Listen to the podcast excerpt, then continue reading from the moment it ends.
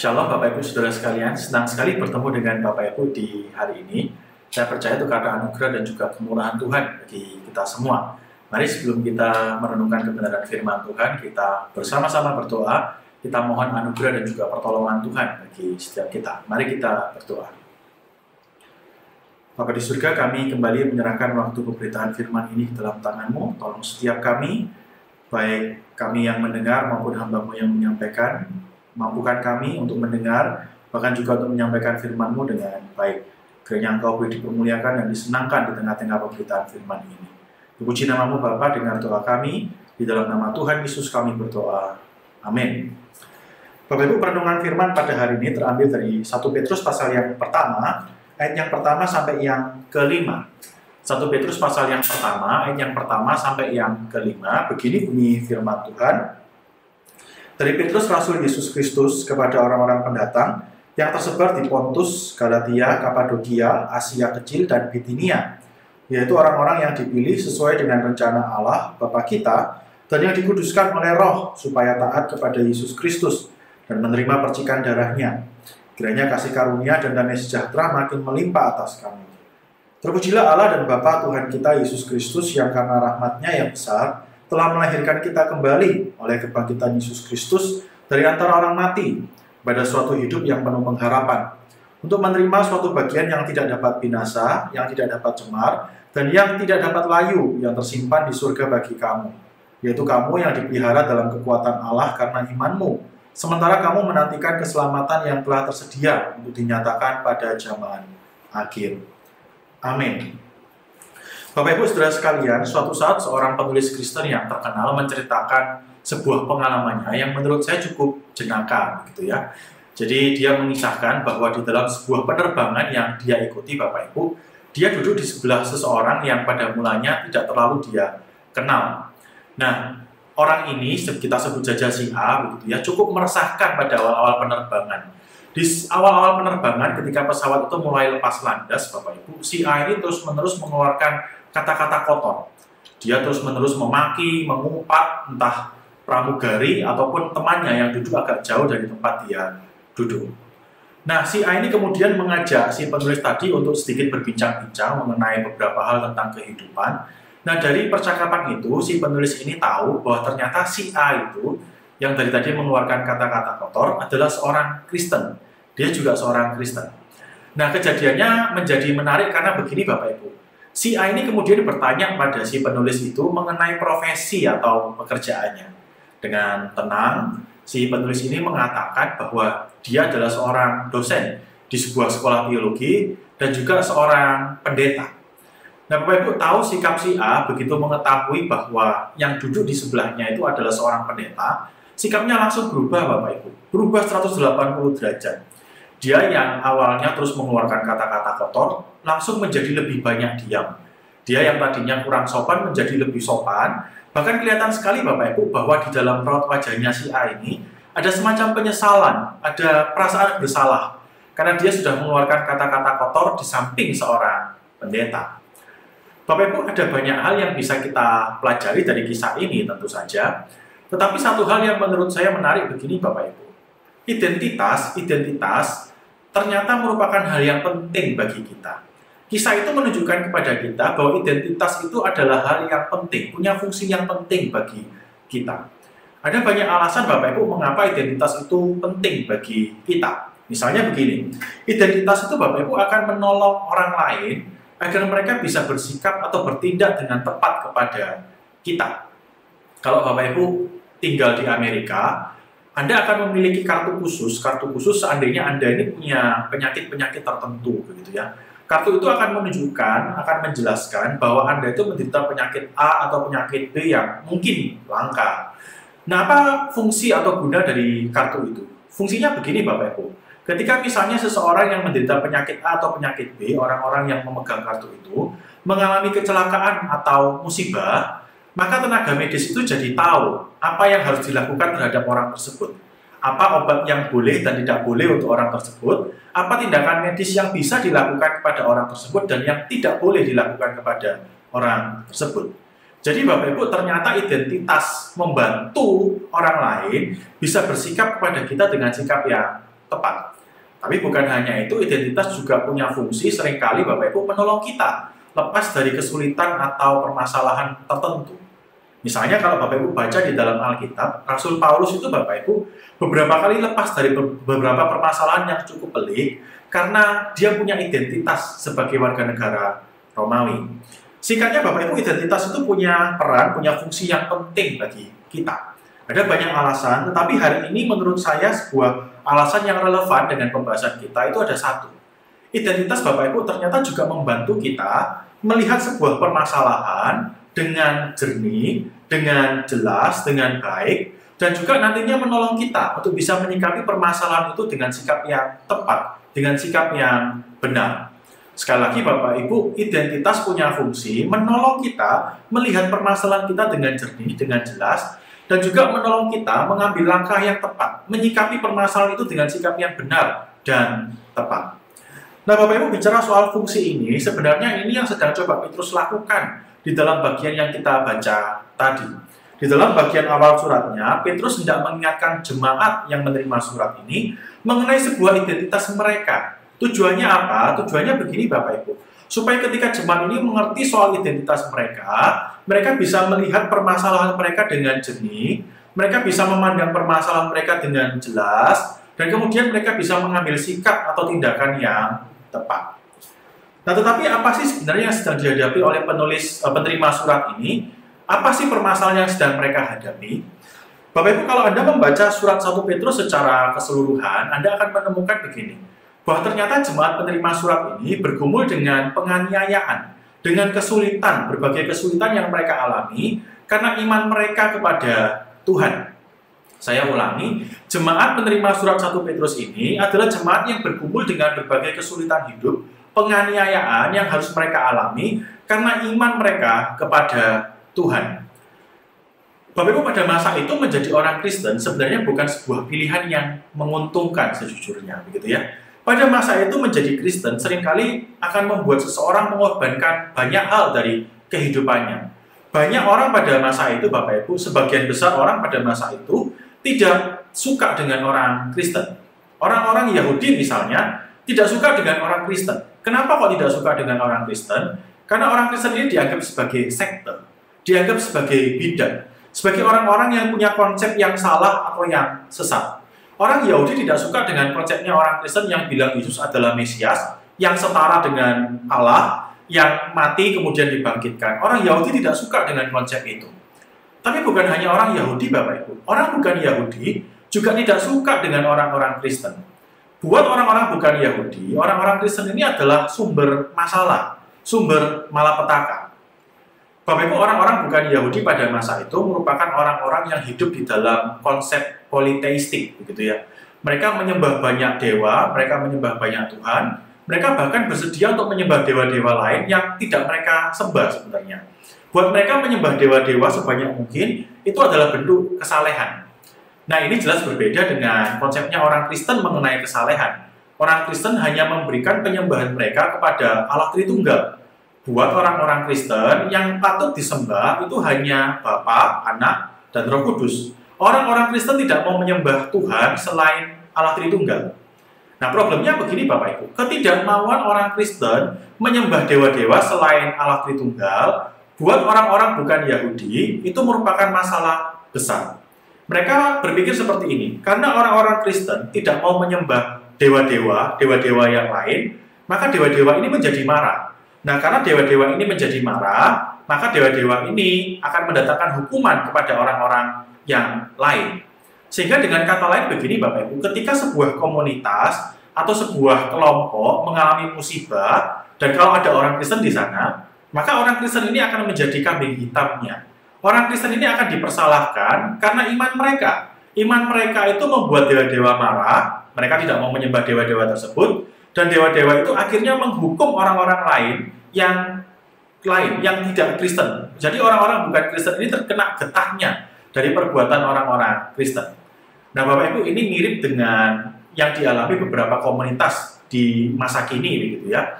Jadi di beberapa komunitas termasuk komunitas hari ini ada beberapa orang yang menganggap begini bahwa kalau ada orang dari komunitas itu yang berpindah agama, maka orang itu dianggap sebagai penyebab malapetaka, sumber musibah.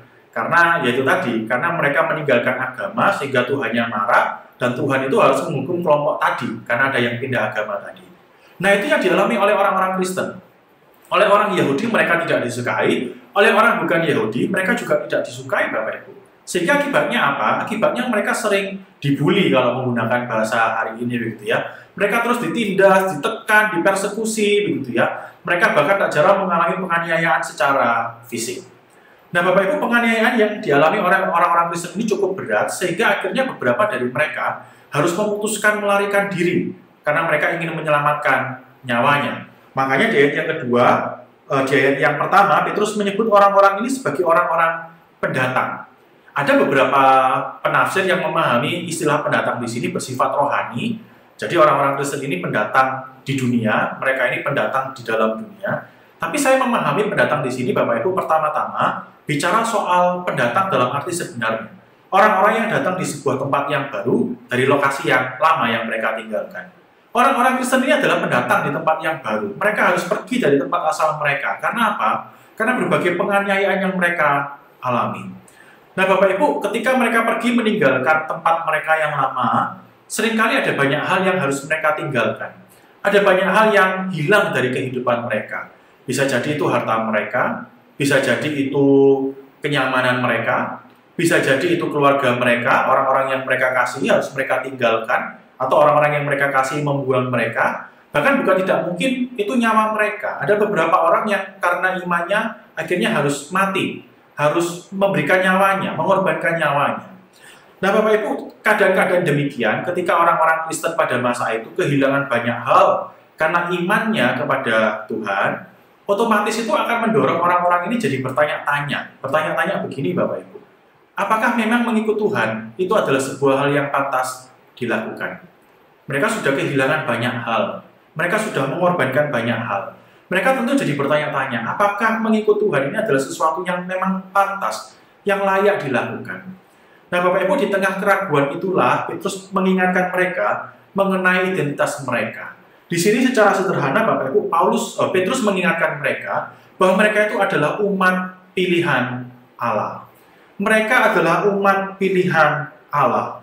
Petrus mulai di ayat yang pertama dengan menyebut mereka sebagai orang-orang pilihan. Maksudnya apa? Maksudnya begini Bapak Ibu, mereka ini adalah penerus perjanjian Allah di dalam perjanjian lama.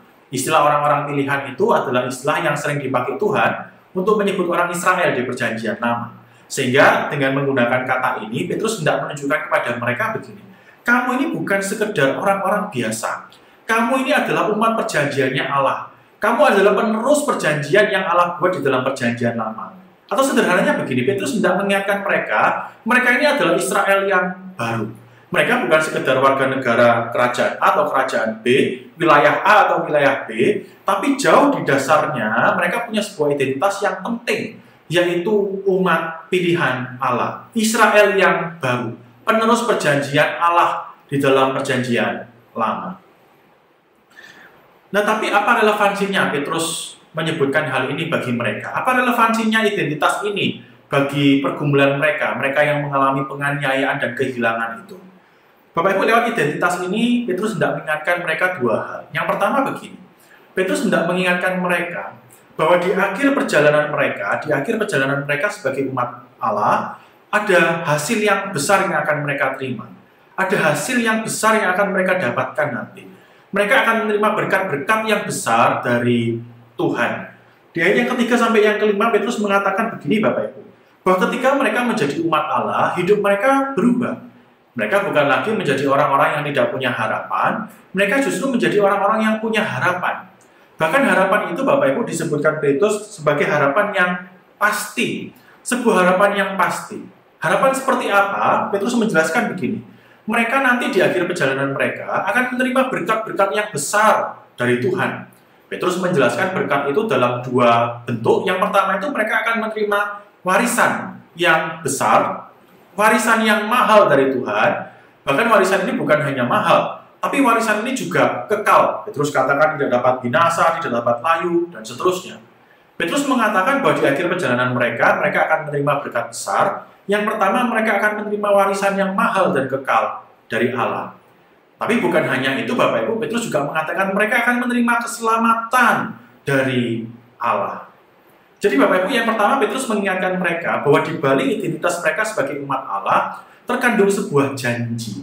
Janjinya begini, bahwa di akhir perjalanan mereka, mereka akan menerima berkat yang besar dari Allah. Menerima warisan yang mahal dan kekal dari Allah, bahkan mereka juga akan menerima keselamatan yang kekal dari Allah. Yang kedua yang Petrus ingatkan Bapak Ibu, Petrus mengatakan begini, ketika Allah memanggil mereka menjadi umat Allah, Allah memiliki tujuan atas mereka. Mereka bukan umat yang dipanggil begitu saja tanpa tujuan, tidak. Petrus mengatakan bahwa Allah punya tujuan bagi mereka. Tujuannya ialah supaya mereka hidup di dalam ketaatan kepada Allah. Di ayat yang kedua bagian C Bapak Ibu dikatakan begini, supaya taat kepada Yesus Kristus dan menerima percikan darahnya.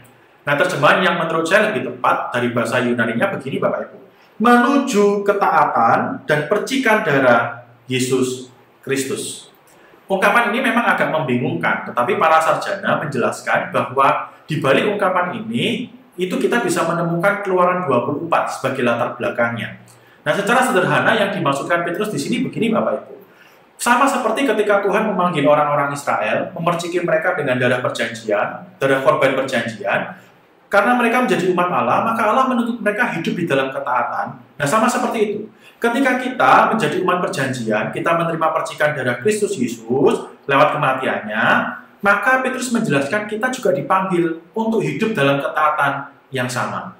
Sama seperti orang Israel dipanggil menjadi umat Allah agar mereka hidup dalam ketaatan, maka kita pun dipanggil menjadi umat Allah lewat darah Kristus untuk hidup di dalam ketaatan kepada Allah.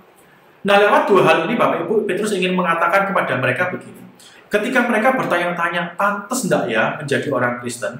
Bahkan ada beberapa dari antara mereka yang kemudian meninggalkan iman Kristen, benar-benar meninggalkan iman Kristen. Petrus mengatakan begini, untuk setiap kehilangan yang kamu alami, Tuhan sudah sediakan yang jauh lebih mahal buat kamu.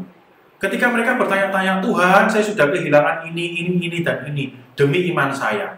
Pantas tidak mengikut Tuhan. Petrus katakan, tetap pantas mengikut Tuhan. Kenapa? Karena pada akhirnya nanti Bapak Ibu yang akan diterima oleh jemaat ini jauh lebih besar dari apa yang mereka korbankan. Karena itu Petrus katakan begini, daripada kamu marah kepada Tuhan, daripada kamu bertanya-tanya tentang harga mengikut Tuhan, Petrus katakan begini, lebih baik kamu hidup di dalam ketaatan. Kenapa? Karena untuk itulah umat Allah dipanggil. Untuk itulah mereka dipanggil.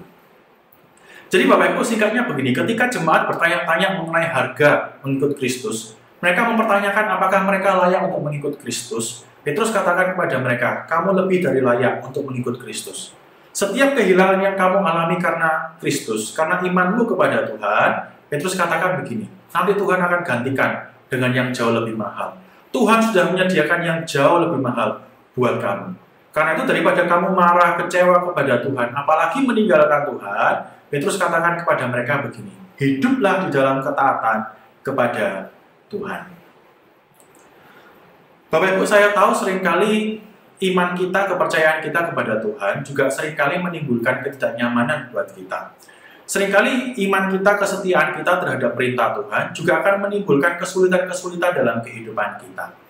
Nah Bapak Ibu, di dalam keadaan seperti itu, nasihat Petrus juga menjadi nasihatnya bagi kita. Petrus mengingatkan kita bahwa kita ini adalah umat pilihan Allah. Dan karena kita adalah umat pilihan Allah, maka ingatlah Bapak Ibu, bahwa ada sebuah janji yang besar yang Allah berikan kepada kita.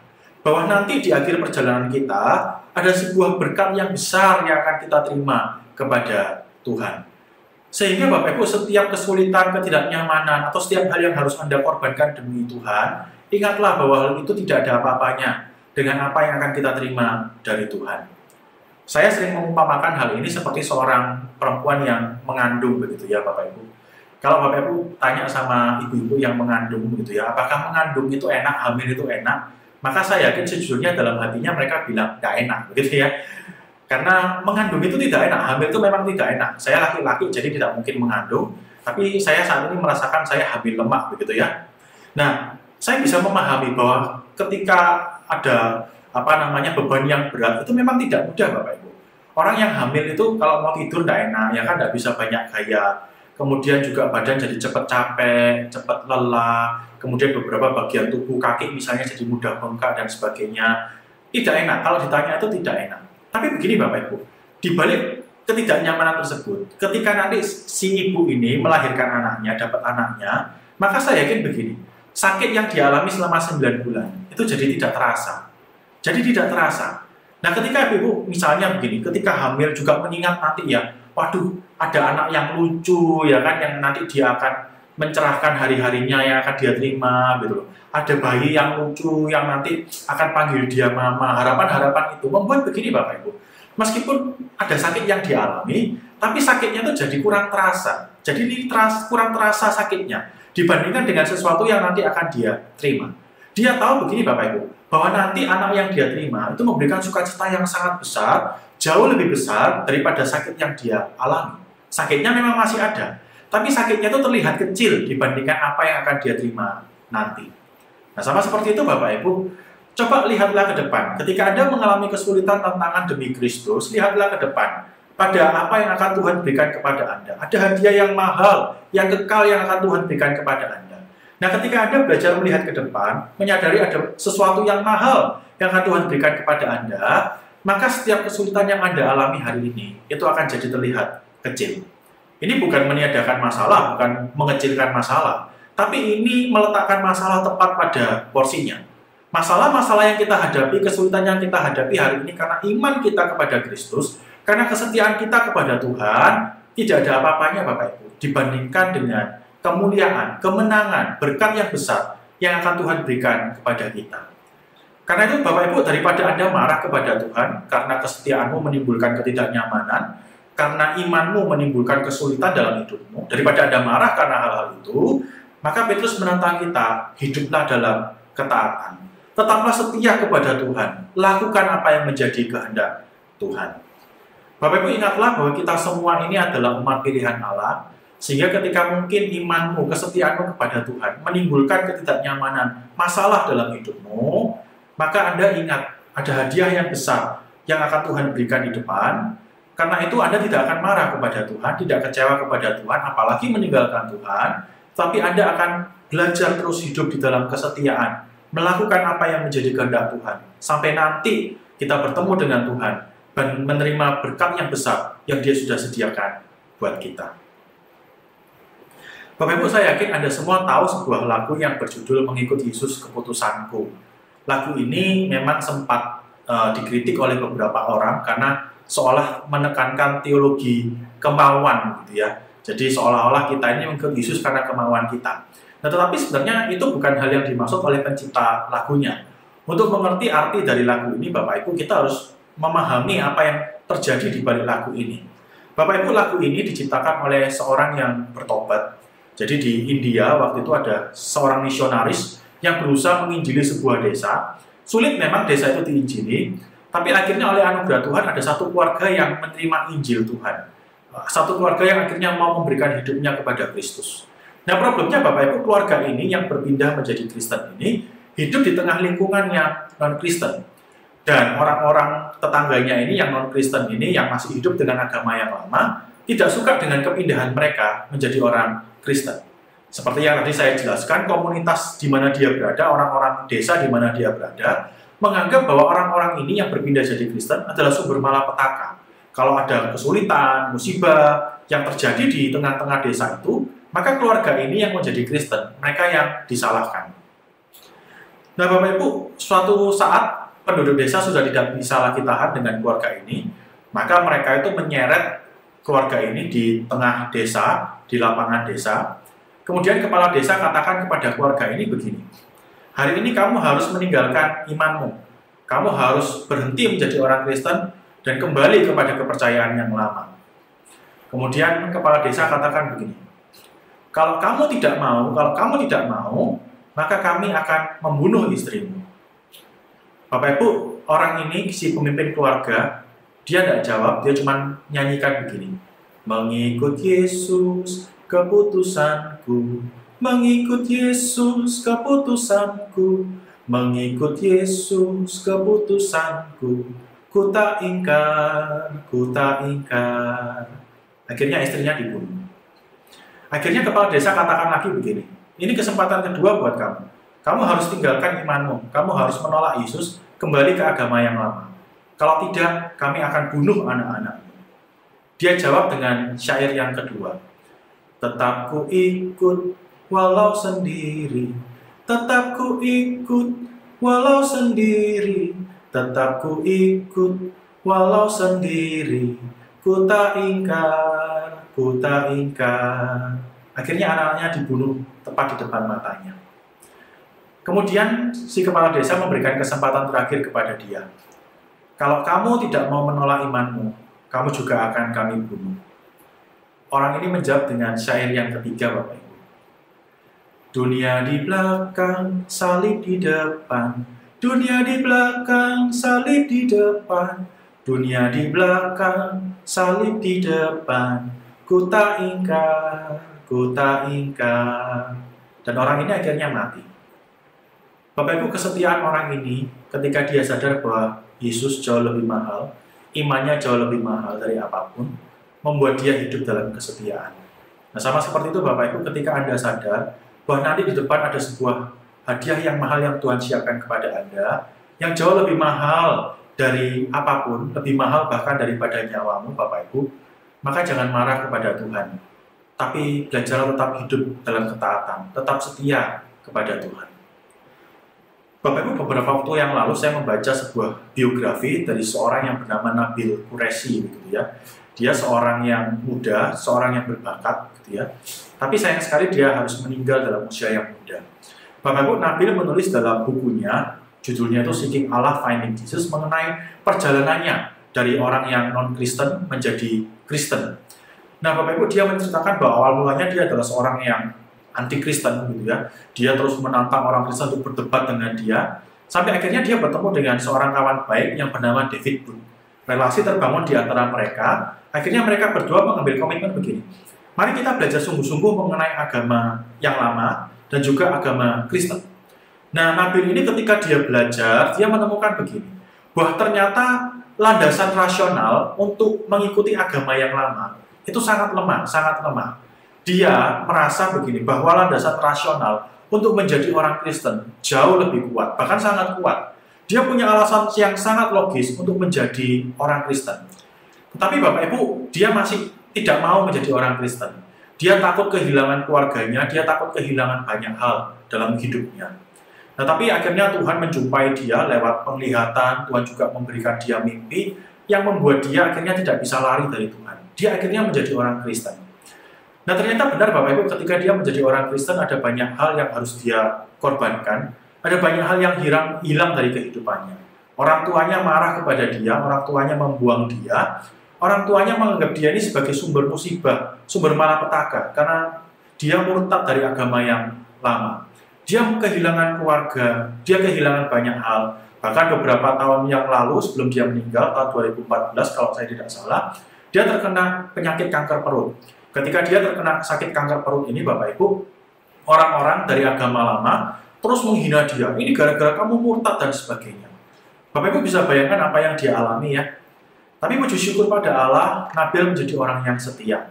Dia ceritakan ada masa-masa di mana dia mengalami ketakutan, keraguan. Tapi kenyataan bahwa dia akan bertemu dengan Tuhan dan akan mendapatkan sesuatu yang besar dari Tuhan, membuat dia setia sampai dengan akhirnya. Dia meninggal tahun 2017 di dalam usia 37 tahun, masih sangat muda, sangat muda Bapak Ibu. Tapi menurut saya dia meninggalkan jejak yang luar biasa bagi kita. Bapak Ibu mungkin Anda tidak harus seperti Nabil yang kehilangan banyak hal, atau mungkin bisa jadi Anda mengalami seperti yang dialami Nabil. Tapi apa pun itu Bapak Ibu, belajarlah untuk setia kepada Tuhan. Ketika Anda merasa ragu, Anda merasa goyang, lihatlah ke depan kepada berkat yang besar yang Tuhan sudah sediakan kepada kita. Saya menyadari sering kali imanmu kepada Tuhan akan membuat karirmu terhambat. Seringkali imanmu kepada Tuhan, kesetiaanmu kepada Tuhan akan membuat engkau tidak disukai oleh orang-orang di sekelilingmu. Atau mungkin imanmu kepada Tuhan membuatmu harus kehilangan orang-orang yang kamu kasihi. Apa pun yang Anda alami Bapak Ibu ketika Anda mungkin mulai ragu dan bertanya-tanya, apakah apakah mengikut Tuhan ini adalah hal yang baik, hal yang benar yang harus Anda lakukan. Nah, ingatlah Petrus mengingatkan kita, umat pilihan Allah. Kita adalah umat pilihan Allah. Dan ketika kita ingat bahwa kita adalah umat pilihan Allah, ingatlah ada sebuah janji yang besar yang Tuhan berikan di dalamnya. Bahwa kalau kita setia nanti pada akhir perjalanan kita, ada hadiah yang besar yang akan Tuhan berikan kepada kita. Ada warisan yang mahal dan kekal yang akan Tuhan berikan kepada kita. Bahkan ada keselamatan yang akan Tuhan berikan kepada kita. Sehingga di tengah-tengah keraguan, kemarahan, kekecewaan yang kita alami, kita mau bangkit dan belajar untuk tetap setia kepada Tuhan. Sampai nanti Tuhan memanggil kita dan kita menerima secara langsung hadiah yang Tuhan sudah siapkan bagi kita. Bapak Ibu sekali lagi saya tahu pergumulanmu yang kamu alami karena imanmu mungkin tidak mudah dijalani. Mungkin tidak mudah dijalani. Tapi belajarlah untuk melihat ke depan pada berkat yang Tuhan sudah sediakan dan hiduplah dalam kesetiaan sampai nanti kita bertemu dengan Tuhan dan hidup di dalam kesukaan bersama dengan dia. Mari kita tundukkan kepala.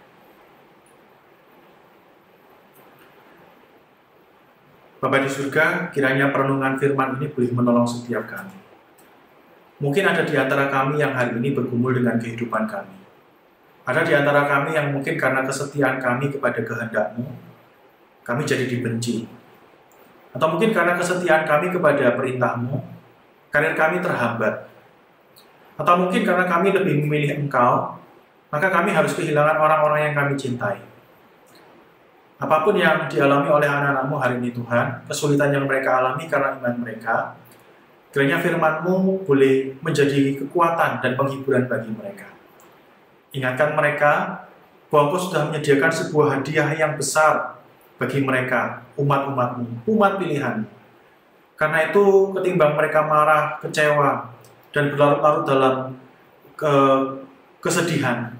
Tolong mereka untuk bangkit dan kembali hidup dalam kesetiaan kepada Tuhan. Memberikan yang terbaik hanya kepada Tuhan. Tuhan meskipun firman-Mu berhenti diberitakan, tapi kiranya Roh Kudus terus menolong anak-anakmu, sehingga kebenaran firman ini boleh tertanam dalam hati mereka, dan menolong mereka khususnya ketika mereka menghadapi masa-masa yang sulit karena iman mereka. Kiranya hidup mereka, hidup setiap kami Tuhan, boleh sungguh-sungguh menjadi hidup yang berkenan di hadapan. Tolonglah kami yang lemah ini Tuhan dan mampukan kami. Di dalam nama Tuhan Yesus kami berdoa. Amin. Tuhan memberkati.